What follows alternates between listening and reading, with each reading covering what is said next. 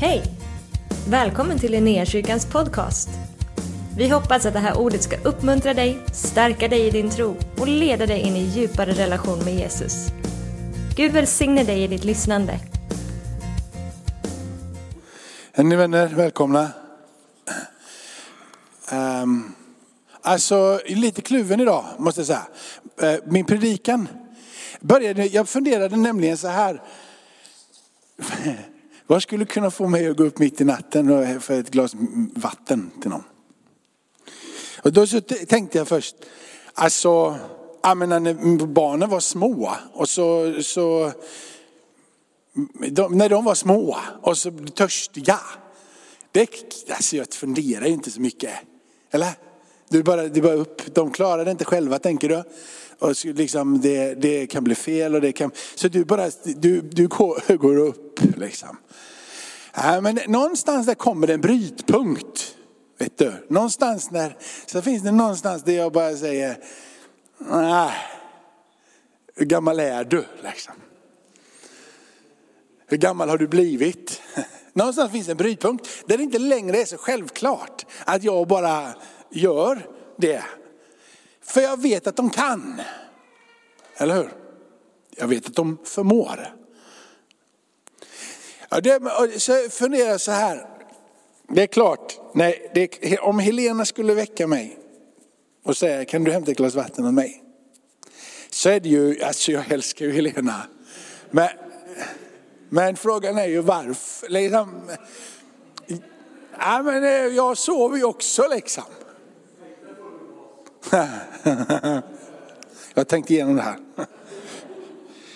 Ja, men för, nej, ni är med vad jag, vad jag, lite vad jag är på väg. Alltså det, det är ju på ett sätt, så, oh, men det, du älskar du inte mig kan hon ju säga. Jo det gör jag. Men måste jag bevisa min kärlek för dig genom att hämta ett glas vatten av dig? Kan jag bli, liksom, det är, tycker jag är ganska rimligt där mitt på natten att säga. För när hon tycker, ja, men älskar du mig inte så mycket så skulle, skulle du inte kunna göra det för mig. Liksom. Ja. Så, men, men det finns ändå någon form, det är inte lika självklart som jag vet att barnen hade ett behov. De, om inte jag löser detta nu så det kommer skrika hela natten och det kommer det, jag behöver bara ta tag i det här. Jag behöver bara fixa det här, det här glaset med vatten eller vad det nu än må vara och se mig gjuta. Och, och ganska naturligt, tänker inte så mycket på det. Det är ganska ruttet av mig som förälder om jag skulle försöka tala om för mina barn att jag älskar dem så innerligt. Ni är fantastiska, jag älskar er väldigt, väldigt, väldigt mycket. Men det, de där sakerna får ni göra själva. Det fungerar inte så heller. Och det fungerar heller inte att jag säger att jag älskar mina barn oerhört mycket och ni är helt fantastiska. Men ni måste bli lite, lite bättre. Ni måste anstränga er lite mer. Jag älskar er jättemycket, men ni måste liksom levla upp lite grann. Så som ni beter er funkar inte. Det ni gör är inte bra, men jag älskar dig. Det blir jättejobbigt för det barnet. Nu så kanske liksom, det finns en viss ålder här med, när man har kommit till en viss, liksom, där behövs det en liten, liten skärpning. Men att trycka in en treåring, att jag älskar dig men du duger inte. Jag älskar dig men du måste bli bättre. Jag älskar dig men det här funkar inte. Jag älskar dig men du måste slipa på det här. Du älskar dig men, men, men, men. Det enda det kommer skapa i det lilla barnet är en osäkerhet av att jag är rädd för att misslyckas. När ska jag leva upp till mina föräldrars standard? Om vi tar med det här in i våran tro så är det ganska mycket som vi gör. Kan vi inte ta Hebreerbrevet? Uh, alltså den, du, du vet, väx upp som kristen nu hör du. Skärp dig lite ungefär va? Den fasta födan är till för vuxna. Ja, det vill jag ju vara då. För den som genom övning har fått sinnena skärpta till att skilja mellan gott och ont. Så någonstans här så finns det genom övning som har fått sinnena skärpta till att skilja mellan gott och ont. Men var går gränsen för den som är på sin resa tillsammans med Herren till att förstå det här utifrån att det finns den där, jag är tillräckligt gammal, jag har blivit vuxit till mig var går gränsen för att du som kristen och jag som kristen har, känner på våran insida, jag vet att pappa och mamma älskar mig, men det är nog dags att ta ett steg till. Det går ganska sent. Jag vet inte, vi är på gång nu, liksom Novali som är min dotter, hon är snart liksom, hon är ju vuxen liksom. Nästa gång hon fyller år är hon 20 och snart är det dags att bara liksom flytta hemifrån, försvinna ifrån våra liv helt, helt och hållet eller på att säga. Det går ju liksom gränser hela tiden när det flyttas. Eller hur? Och det är ganska naturligt att Novali självklart, och de andra barnen vill höra att jag säger att jag älskar dem. Men att tala att hon måste bli bättre som människa, att hon måste skärpa sig och att hon måste göra det här och det här. Det har hon vuxit in i, som alla andra barn gör. Vi behöver inte trycka in det i halsen hela tiden. Att de ska, men när vi kommer till våran tro, då är det sådana här bibelord som vi lyfter upp. Jag skulle vilja säga så här, du behöver inte bli bättre. Och när det har landat i din tro, när det har landat i din tro, så börjar den nya upptäcktsvärlden. Och där tar reda på vad det är Gud har lagt i dig. Som du kan använda för att bli en bättre människa. Du behöver inte bli bättre. Men när du har blivit tillräckligt mogen och vuxen i din tro så kommer du komma till platsen då du vill upptäcka, vad är det Gud har lagt i mig? Och hur finner jag det som han har lagt i mig? Och hur slipar jag det som han har lagt i mig? Om man börjar trycka ner för tidigt i detta treåriga barn att du måste skärpa dig så att du inte misslyckas. Du måste skärpa dig, du måste bli bättre. Så kommer det inte bli annat än rädd för att misslyckas. Men om barnet är tillräckligt mogen och har blivit grundad i förståelsen om att de är barn till Gud, att de har en plats där och att mamma och pappa älskar dem och det finns en trygghet så kommer det naturligt i dem. En längtan efter att få växa upp, en längtan efter att få göra rätt för sig. En längtan efter att få skina och stråla tillsammans med han som är dess skapare och frälsare. Amen. Är ni med på min resa? Så, Låt oss, börja, låt, oss, låt oss börja med det som får vara grunden. Gud har alltid älskat dig. Vi läser från Jesaja, Jesaja kapitel 57 och från vers 15. 15. För, så säger den höge och den helige, han som tronar för evigt och heter den helige. Jag bor i det höga och heliga, men också hos den som har en förkrossad, som är förkrossad och har en ödmjuk ande. För att ge liv åt det ödmjukas ande och för att ge liv åt det förkrossades hjärta. Så han som är helig, han som är allt livs ursprung, han som alltid har funnits, han som är odödlig, oändlig och evig. Han som är källan till liv och allt livs givare. Han bor i det höga och det heliga, men han bor också i ditt och i mitt hjärta. Det är där han har sin plats. I det höga och heliga och i ditt hjärta. Inte i byggnaden, men i ditt hjärta. Han bor hos dig och han bor i dig. Och han är med dig. Det har profeterna och gamla testamentet och som är böckerna som, som innan Jesus kom och nya testamentet handlar ju om att Jesus kom och allting Jesus gjorde och allting som församlingen och lärjungarna har gjort efter det fram till ett visst årtal liksom. och sen så, så, finns det inte mer nedskrivet som tillhör Bibeln. Liksom. Men, men, men, men det är fram till, ja vad det nu får vara, 70 år efter Kristus eller vad nu det senaste är. Någonstans där i alla fall. Vilket fall som helst så har alla de här profeterna och allting som finns i gamla testamenten, Mose, lagen, saltaren och profeterna, allting som är där i handlar om en enda sak. Om det att Gud finns och att Gud är fylld av nåd. Han är ingen hård dömare och domare så att han är så långt borta så att han inte har förbarmande. Han har längtat i gamla testamentet och i alla tider att få utgjuta utav hela sitt liv in i dig och mig. Han längtar, han är en barmhärtig Gud, han är en nådefull Gud. Och hela den här resan som är i gamla testamentet pekar på att han ska sända en räddare, en frälsare och han ska upprätta riket. Det riket ska bo på insidan utav oss och vara ett rike som är utan gräns detta är Guds rike.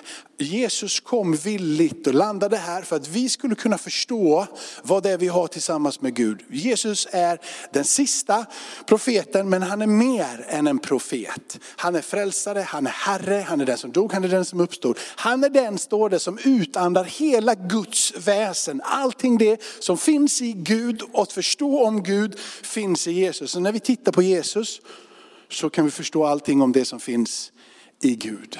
Det var därför Jesus kom. Så allting det som Jesus gör ska vara formande för din och min tro.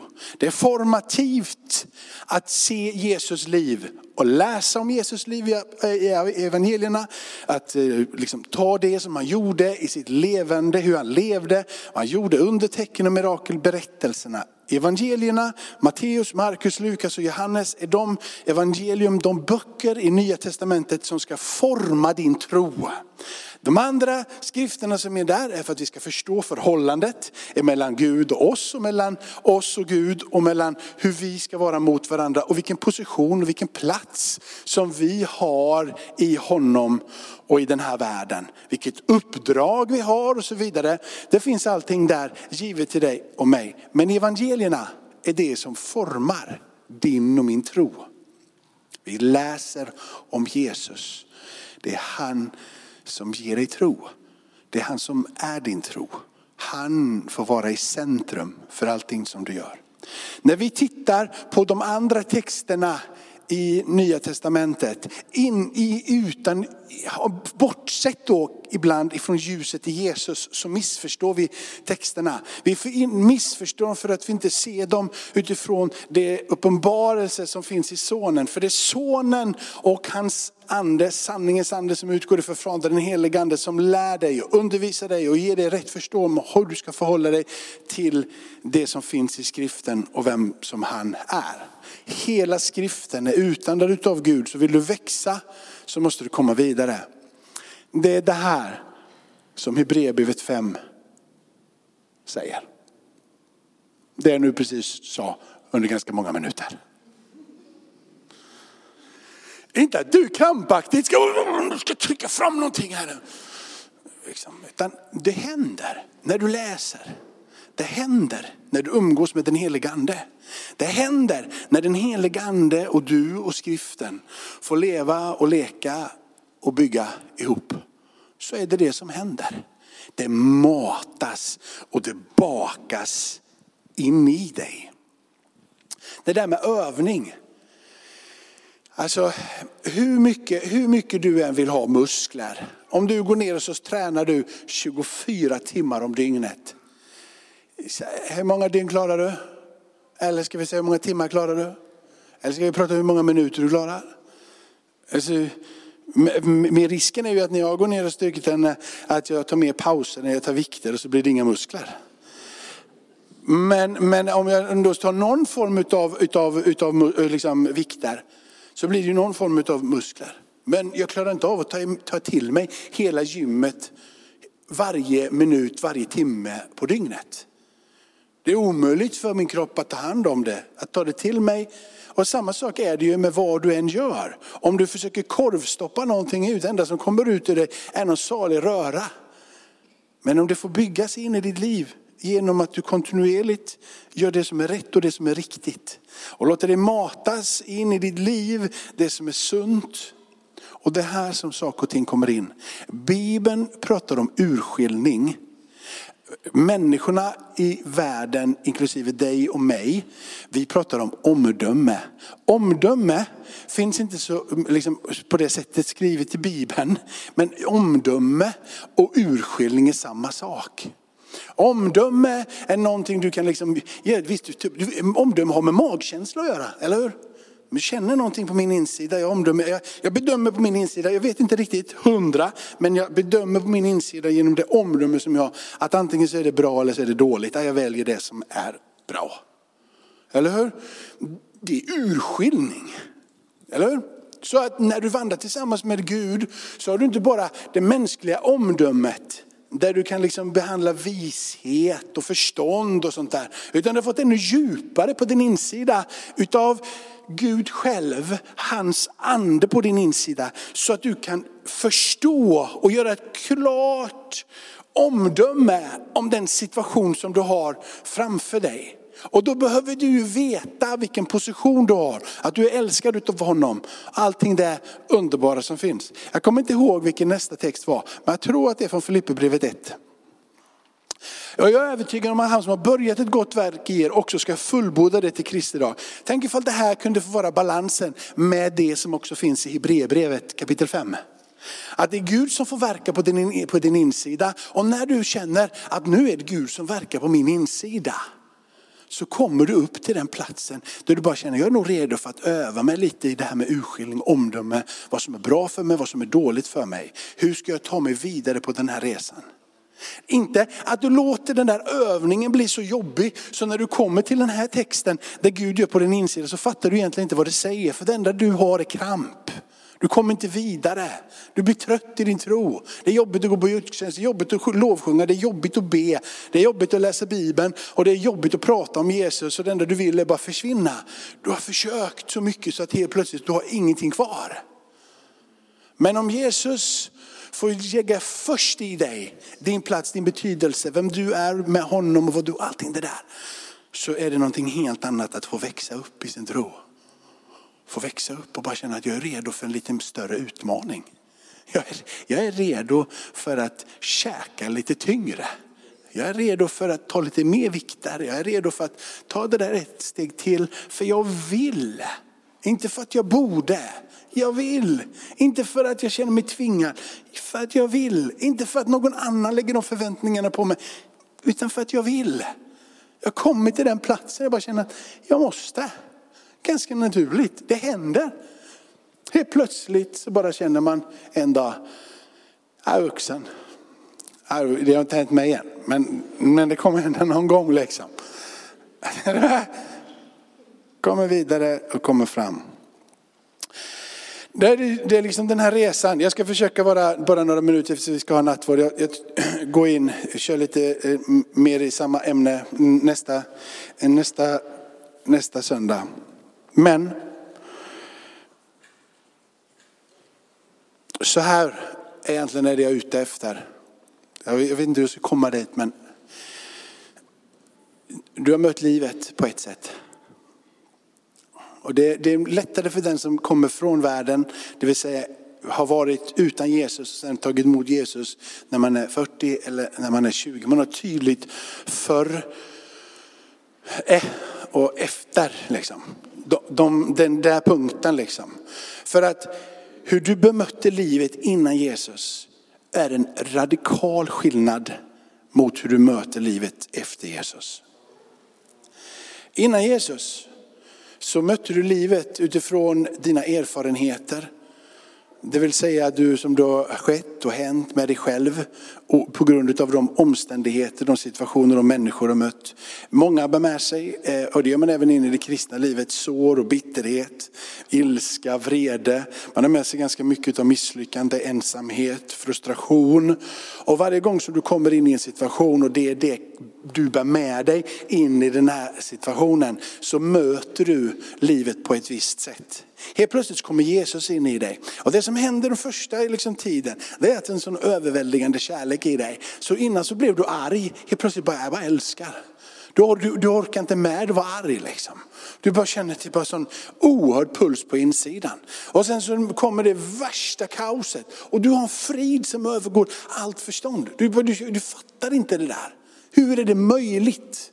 Och sen så börjar du att vara liksom lite, lite vardaglig i din tro.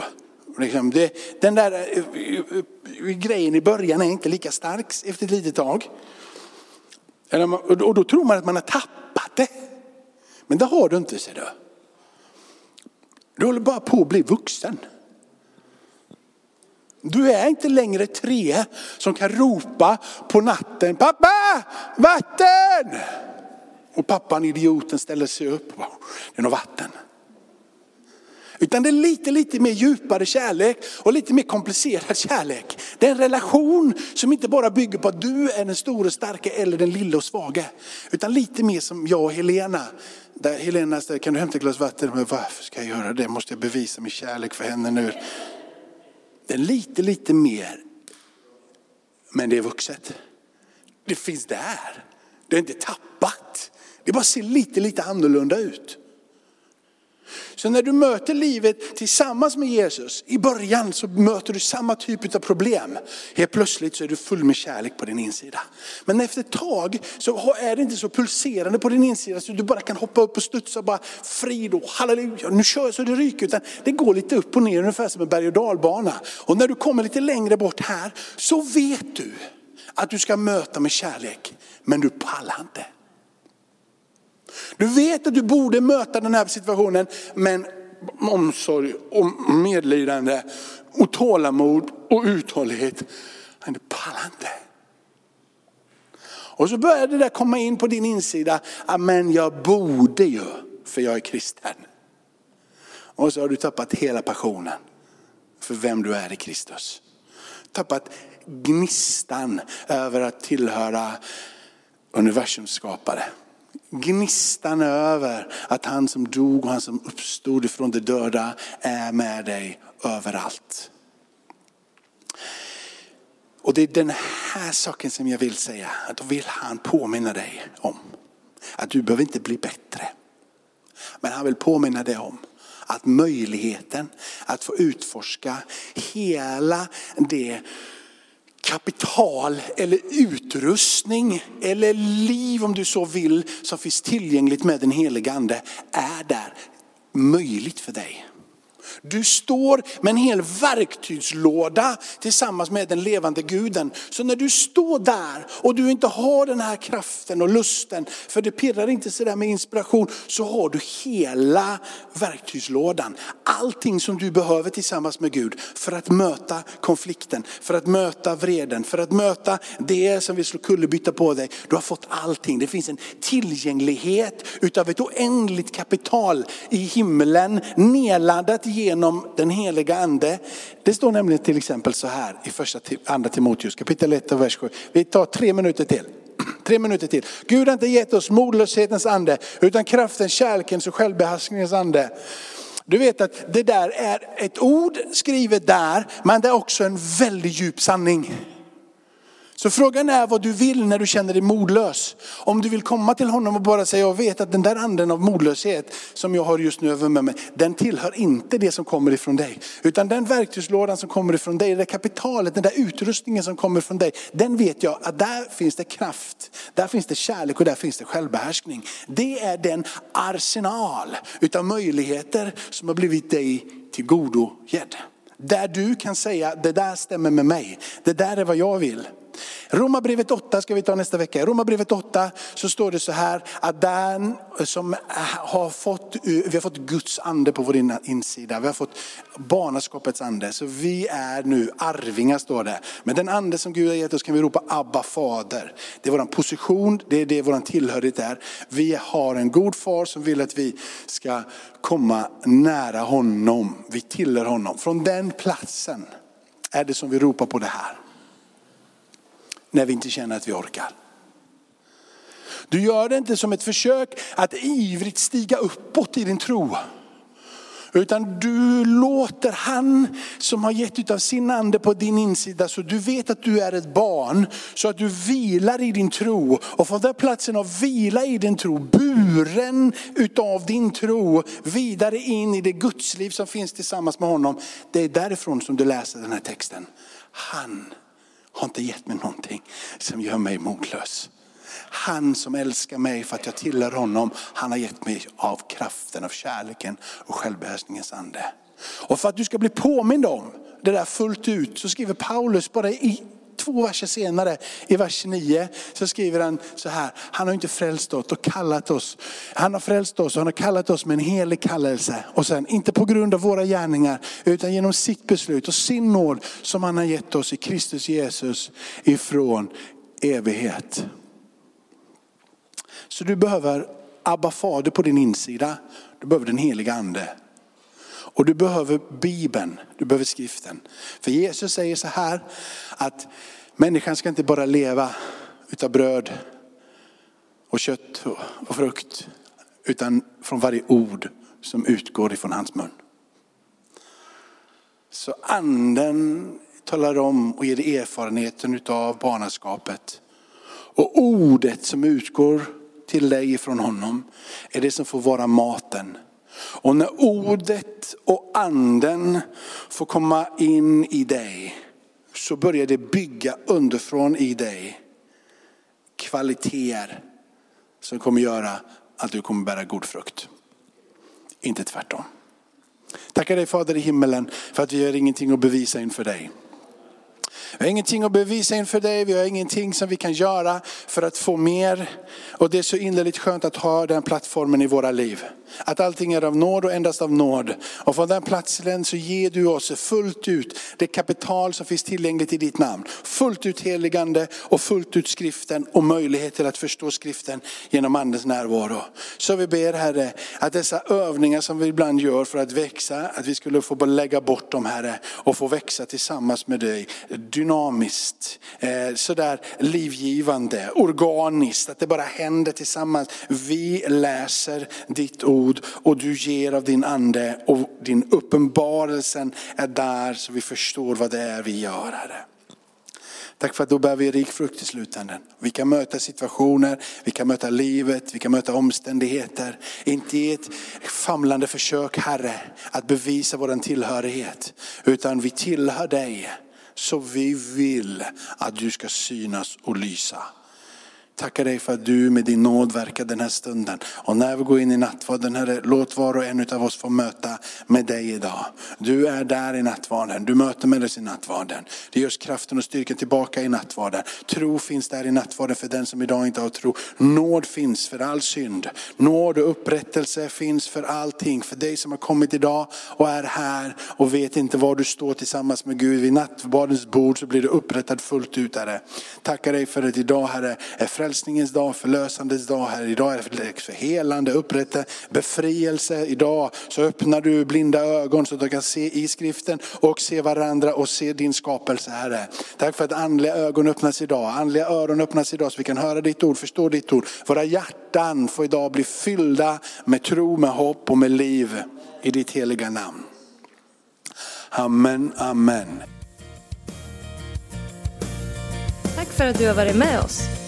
Hoppas du känner dig inspirerad av Guds ord och har fått nya perspektiv.